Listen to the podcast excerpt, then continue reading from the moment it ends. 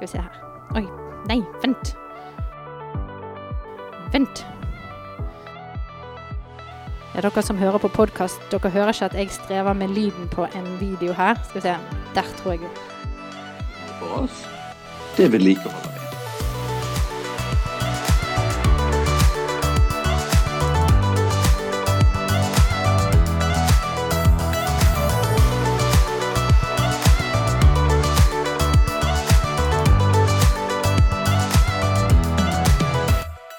Alle sammen, og hjertelig velkommen til Mammas hjerte-podkast. Det er en unik pod i et virvar av mange stemmer. Vi er Kristina, Og Katrine! og her på podden så vil vi gi deg muligheten til å tenke lange tanker, løfte blikket og ta bevisste valg i en travel hverdag. Så velkommen med på ukens spennende samtale.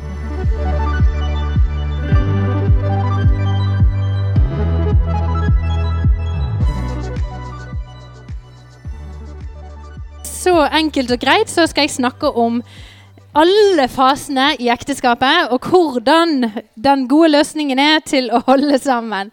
Nei, det er en litt sånn uh, flåsete tem, uh, overskrift her, kanskje. Hvordan holde sammen gjennom alle faser.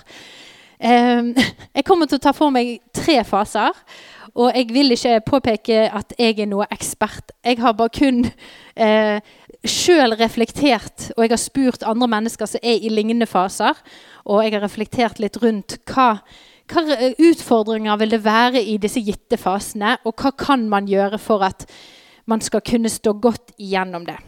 Så håper jo jeg at du eh, Kanskje du kjenner deg igjen i én eller to eller alle fasene. Men, eh, men at det har noe med å tenke litt fremover òg. Være litt før eh, Hva skal du si? Hva heter det? Forebyggende.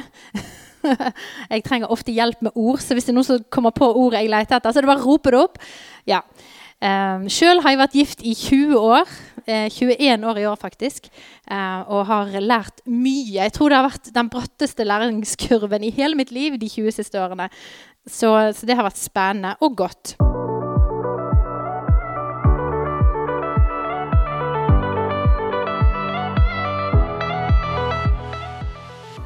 Jeg har kalt fase 1 for nyforelsket og nygift. Den har jo kanskje mange vært innom. Dette er en fase som vi eh, velger hverandre. Vi står jo på det når vi er nyforelsket og vi er blitt kjærester. Og så, og så går man jo lenge og vurderer er dette den der som jeg skal satse på. Har han alle de kvalitetene? Er han, hvordan kan du vite det i en alder av sant, eh, så gammel som man er når man, når man står i det valget? Man kan jo ikke vite absolutt alle svarene på om denne personen kommer til å være alt i alle situasjoner. Eh, så det er et ganske stort valg. Det er et veldig eh, seriøst valg man tar eh, grunnet på ganske få erfaringer. Men man velger hverandre, og man velger å elske og ære hverandre i gode og onde dager når man gifter seg. Og det kan virke veldig lett, i hvert fall den første tiden når man har overskudd, og det er liksom overflod av disse gode følelsene. Så denne nyforelsket-fasen kan, kan ofte man, man, går litt i medvind, da, hvis man kan kalle det sånn. Mange som snakker om hvetebrødsdagene, snakker om å gå på liksom, rosa skyer og sånn. Jeg opplevde ikke det i vårt ekteskap. Jeg, vi giftet oss, og så gikk vi inn i ni år med mørke, liksom. Så vi, det var litt motsatt erfaring fra, for oss, da. Men jeg har hørt at mange andre har litt andre erfaringer enn oss, da. Så, og det er jo fantastisk. Vi hadde ganske tøff start, røff start i vårt ekteskap. Um, og det er jo sånn, jeg, Hvis du har lyst til å høre mer om det, så kan du jo følge med på podkasten vår, for da forteller jeg ofte vår historie. Um, men det som jeg har lyst til å løfte opp, da, hvis man er i den fasen Kanskje dere er der, eller kanskje dere kjenner noen som er i den fasen, eller eh, har barn som skal inn i den fasen. Sant? Tenk på det. Eh, dette er verdier vi også kan gi videre til våre barn. Da er det noe med det å investere i starten. Investere i fredstid, som, sånn at vi har verktøy til når vi kommer til utfordrende tider, krigstid. Um, Så da er det jo eh, Man kan eh, lese bøker, man kan gå på kurs. Eh, dette med kommunikasjon det er jo en ting som vi løfter opp i våre samtaler ofte. At kommunikasjon, så lenge du har gode kommunikasjonsverktøy og løsninger og, og, og, og lærer å kommunisere på tross av forskjelligheter og sånt, så kan man komme gjennom ganske mange vanskelige ting. Så kommunikasjonsverktøy det er noe som vi allerede kan begynne å gi til barna våre. faktisk. Og lære de å snakke, lære de å connecte, lære de å forstå mennesker som er annerledes enn de. Så det er sånne gode ting man kan investere i når man har overskudd og man, man er på plass. Dette med personlighetstest det er jo noe jeg brenner for. dere som kjenner meg. Uh, jeg er sjøl sertifisert i Myers Briggs og tar den på veldig mange ektepar og på, på, på lederteam og sånne ting. Fordi at jeg opplever at det har vært utrolig nyttig inni mitt eget liv. Vi, sånn, vi gikk fra 80% konfliktnivå i vår kommunikasjon til sånn 20% Så det, det, det, snudde opp ned på måten meg og Steinar snakker med hverandre. Det med å forstå hverandre. Hvorfor reagerer du? Hvorfor ser du ting på den måten? Jeg skjønner deg ikke. Men plutselig så skjønte jeg han mer. Vi fikk et språk som, forsto, som begge to forsto forskjellighetene. Og, og, så personlighetstesten er gull å investere inn i. Familieterapi, gjerne oppsøke noen som man, en tredjepart man kan snakke med, og, og, gjøre seg vant med den rutinen.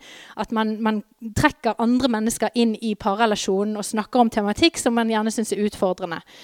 Eller får folk til å speile kommunikasjonen, som kanskje kan være vanskelig. Så kan noen sitte og høre og tolke og speile litt. Så det er liksom mine tips da, til, til ting å ha med seg i denne tiden hvor man har overskuddet, man har de gode følelsene ofte som hjelper til å ville Man vil komme nærmere, man vil jobbe med relasjonen, man vil, og man har tid. Og, ja. Så alt det man investerer der, tror jeg man vil få bruk for i seinere tid, som blir litt røffere. Skal vi se her Oi, nei, vent. Vent. Ja, dere som hører på podkast, dere hører ikke at jeg strever med lyden på en video her. Skal vi se, Der tror jeg vi noe for oss, det vedlikeholder vi. Det som eh, vi er glad i, de vi er glad i, det, det investerer vi inn i. Så i Norge så er vi altså veldig flinke til å investere inn i barna, investere i alt det materielle vi har. Men vi har en god nyhet, og det er det at det er mulig å investere inn i vedlikehold av relasjon. Eh, ofte så tenker man det at, at uh, relasjoner er bare litt sånn det, det skjer av seg sjøl. Eh, om vi har kjemi eller ikke har kjemi, det er liksom noe som går opp og ned, følelser kommer og går. Men vår påstand er den at det er fullt mulig å vedlikeholde en relasjon og gjøre enkle grep for å forbedre den. Ja, og Dere som har vært der, har jo sett den videoen før i dag. Dere som er på eventen, Men dere som lytter til podkasten, Eh, dette var altså et utdrag fra vårt nettkurs som ligger gratis tilgjengelig for alle på mammashjerte.no. Så gå inn der og kikk, så får du en elleve korte videoer om, om, akkurat det som vi snakker om her. Så til denne første fasen, da, som er nygift og nyforelsket, og man har dette overskuddet og, og uh, Kanskje du kan huske tilbake Jeg vet ikke helt Husker vi tilbake til den tid? Uh, jeg har lyst til å slenge ut noe uh, noen tanker. Og det er her jeg vil at dere skal skrive litt. Prøv å tenke hva gjorde vi? Investerte vi noe inn i vårt parforhold på den tiden? Og hvis du kommer på en ting som kanskje du kan tipse noen om som, som du kjenner, eller du kan f.eks. ditt barn, din sønn eller din datter skal gifte seg en dag, hva er det du vil si til dem at dette er viktig? Kanskje du kan spandere et eller annet på dem som at på en måte blir en investering inn i deres ekteskap. Så skriv ned, og så har du det tilgjengelig. Og så er det jo et spørsmål til, til de som står i denne situasjonen. Hva nytt kan vi investere inn eh, videre? Så skal de skrive ned tre ting. Og nå vet jeg ikke om denne fasen er så aktuell for alle dere som er her, men, men vi skal inn i noen faser nå som er kanskje mer aktuelle. Men kanskje du som lytter på podkast, er i en sånn fase hvor man er i starten av parrelasjonen og, og, trenger tid til å liksom, hva er, Men jeg, jeg, vil oppfordre til å rett og slett konkret skrive ned tre ting som vi vil investere og bruke både tid og penger på for at vår parrelasjon skal få noen nye verktøy å ta med seg inn i tiden som kommer. Det tror jeg sånn på. Og så et siste spørsmål. Hvordan opplever du at hverdagskommunikasjonen i parforholdet er? Og Den tror jeg er aktuell for dere alle, både som sitter her og som lytter til. Det er et godt spørsmål å stille seg sjøl nesten daglig eller ukentlig. Hvordan er hverdagskommunikasjonen vår? Er det bare kjefting og smelling? Er det bare, handler han bare om alt som skal skje i bedriften, familiebedriften vår, eller er det eh, Er vi nysgjerrig? Eh, ser vi etter den andres behov? Stiller vi spørsmål, eller bare sier vi ting? Hvordan høres jeg ut når jeg snakker til min ektefelle? Det er sånne gode spørsmål å stille seg.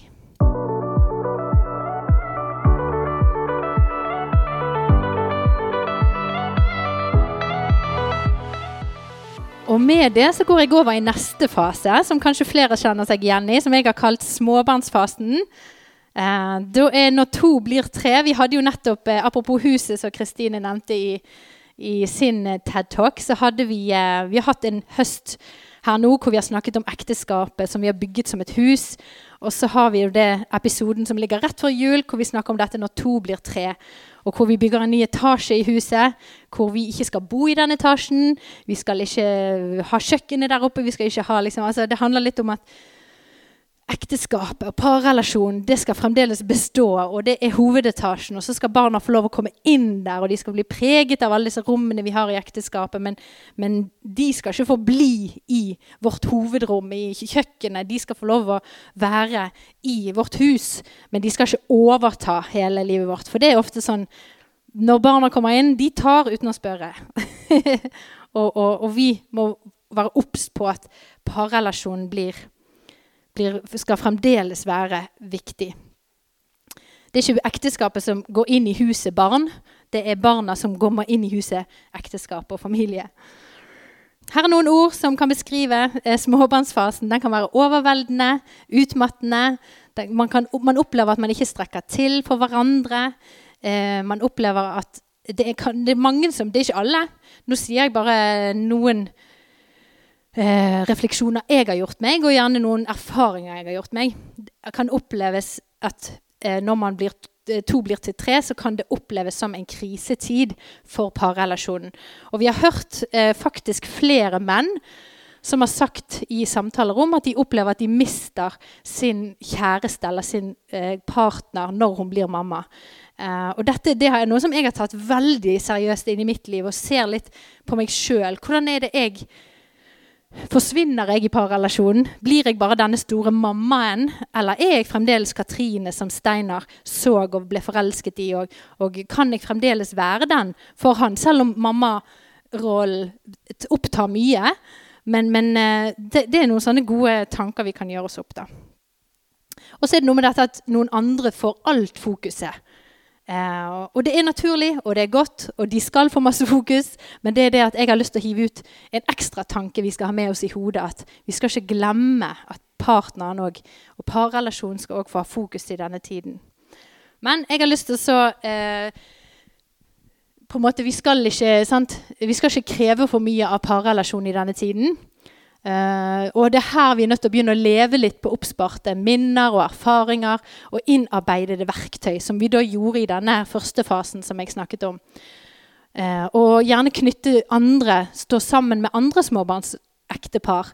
Hvordan gjør dere det? Hvordan får dere dette til? Og så leve livet litt sammen med andre i denne krevende tiden.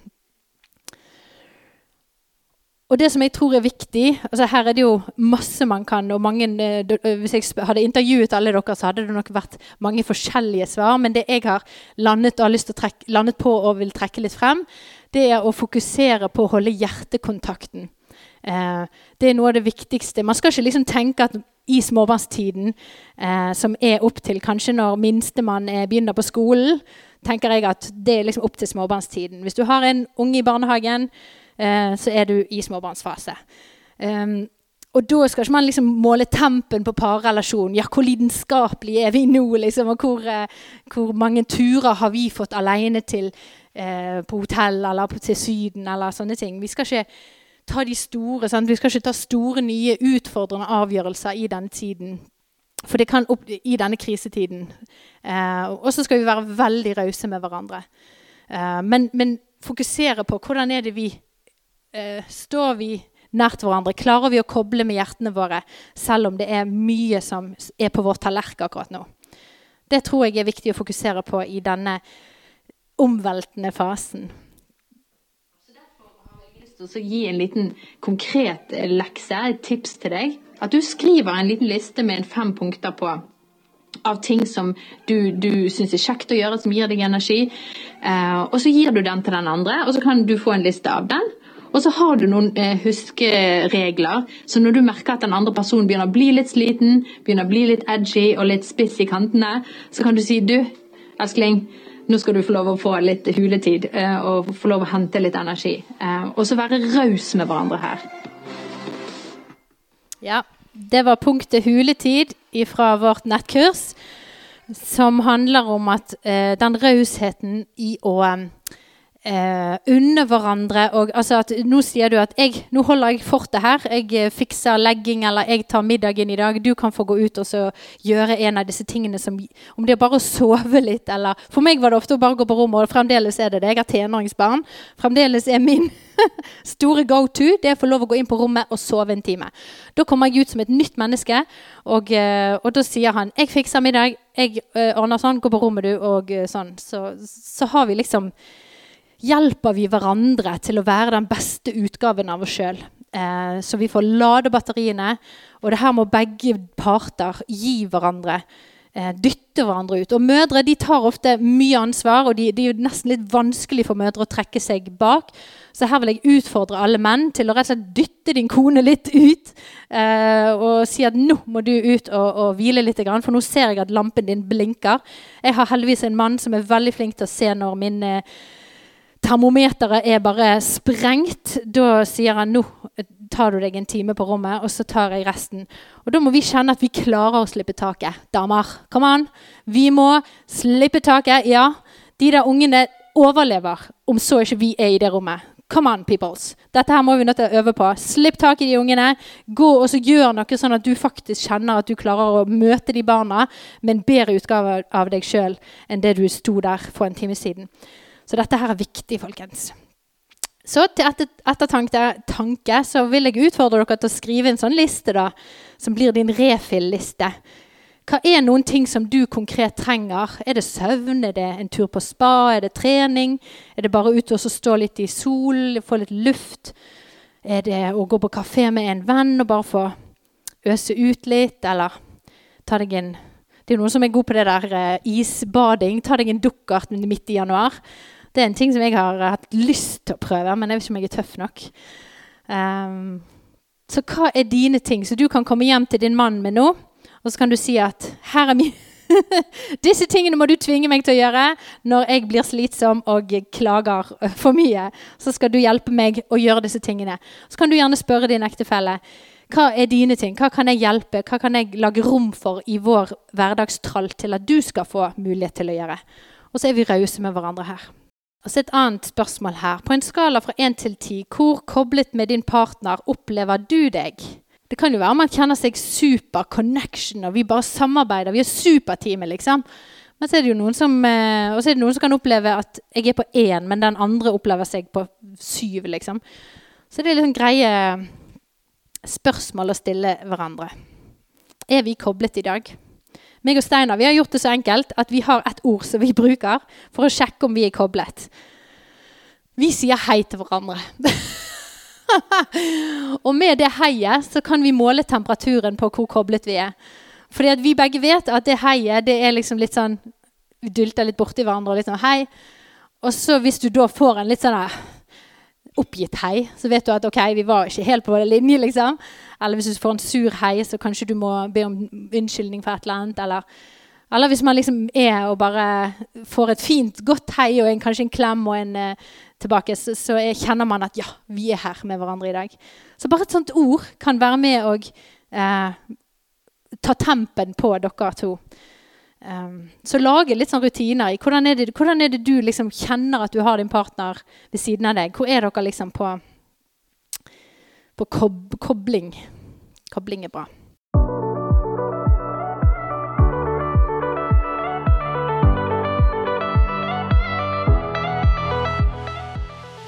Da er det siste fase. som, eh, som jeg jeg eh, syns er veldig spennende, og eh, som jeg har kalt 'Når barna flytter hjemmefra'. Eh, nå skal vi faktisk ha en prat med Alexis Lund og konen. Eh, for de står midt i denne fasen, og, og når vi har stabsmøter i Tro og Media, så er det det når vi, liksom, vi har sånn liv, livet-runde.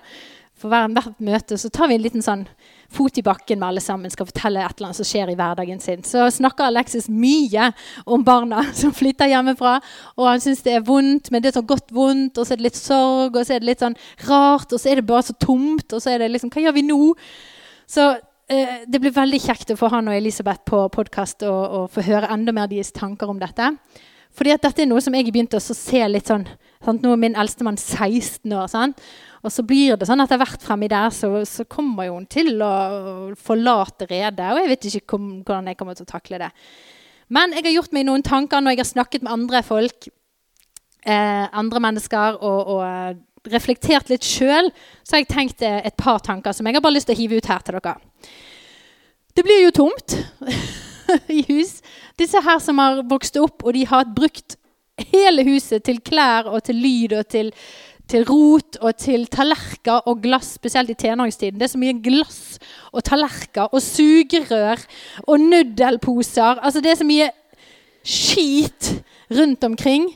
Plutselig er ikke de tingene der lenger. Det er liksom sånn Oppvaskebenken som på en måte du ryddet i dag morges, er fremdeles ryddig når du Altså, det er jo helt Og det, det er mye tid til overs. Det er liksom, eh, Plutselig sitter du der, og det er stille. Hva gjør du da? Man begynner kanskje å kjenne på det der overskuddet igjen. At man har, har et overskudd til å tenke liksom, Finne seg sjøl litt. Ja, sant? Man må bli litt kjent med seg sjøl og hverandre.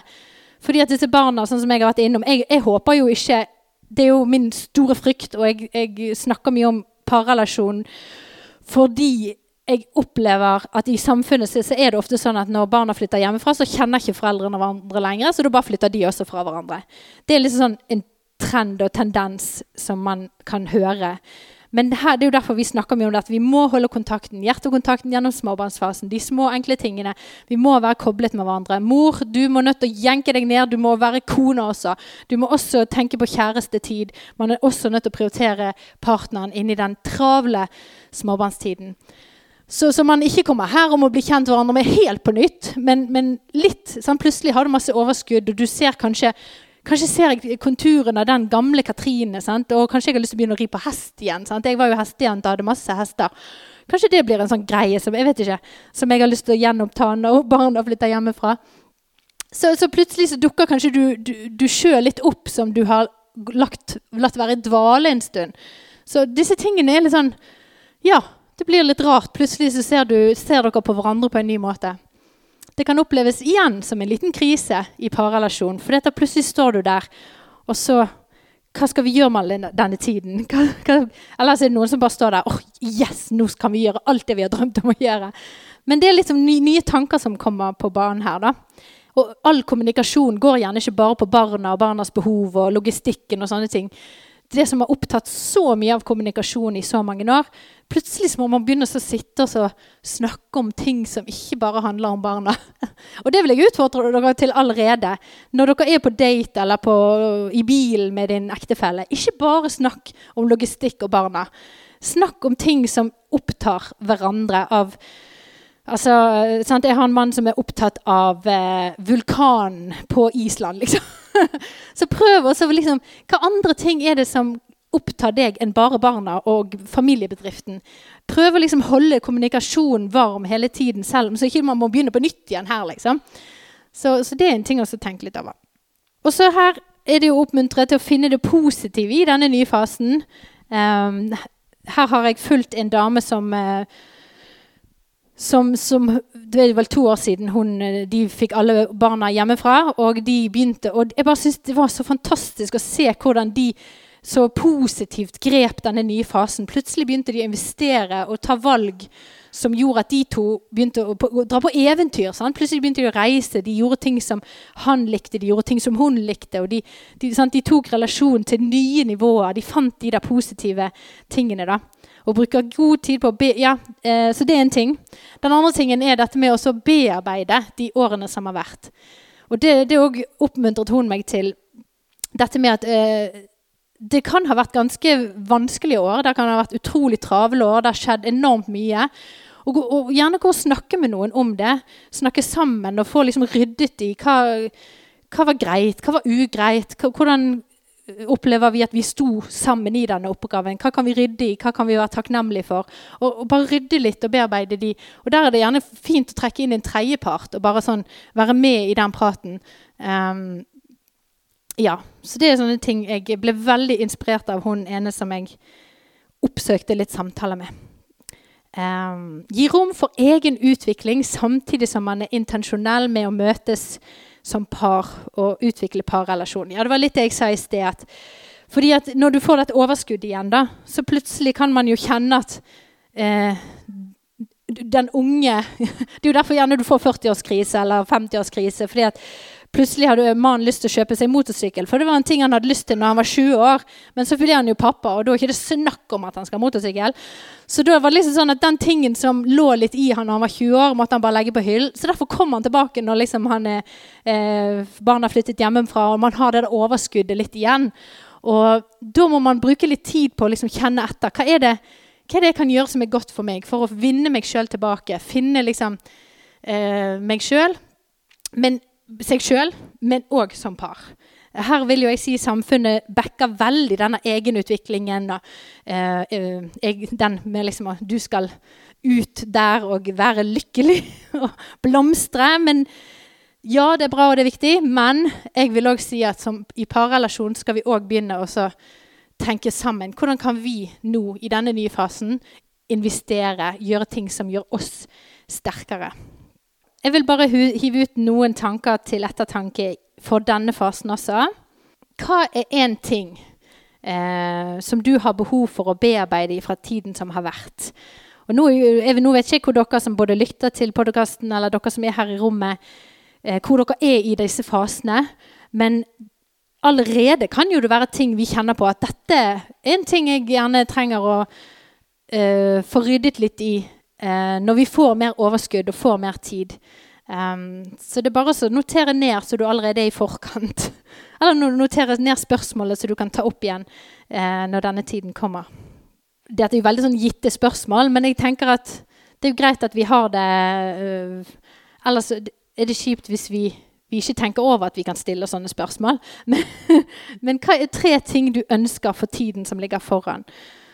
Hva er tre ting som du har tenkt at eh, dette har ikke jeg hatt tid til å gjøre, dette har ikke vi hatt økonomi til å gjøre, jeg har ikke villet prioritere når vi har hatt småbarn og barna i huset. Hva er tre ting du kjenner at dette er ønsker og verdier, noe som er viktig for meg, som jeg har lyst til at vi skal gjøre i tiden som kommer?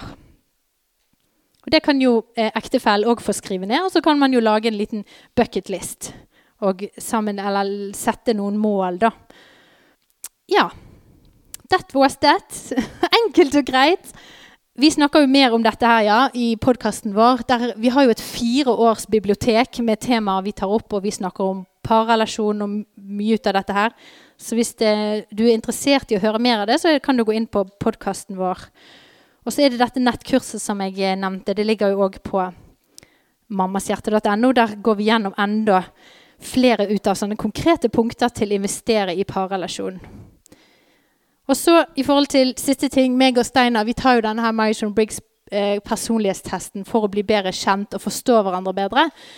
Eh, så hvis du ønsker det, så kan du kontakte meg på katrine.alfakrølljesusfellesskapet.no. Det er jo min andre jobb sin mailadresse. Eller på Mammas hjerte, altså postalfakrøllmammashjerte.no. Begge de stedene kan du få en sånn personlighetstest. Så takk for meg. Håper du fikk noen eh, gode spørsmål å tygge på videre og ta med, og gjerne ta med din ektefelle med inn i sånne samtaler. Det er alltid verdifullt.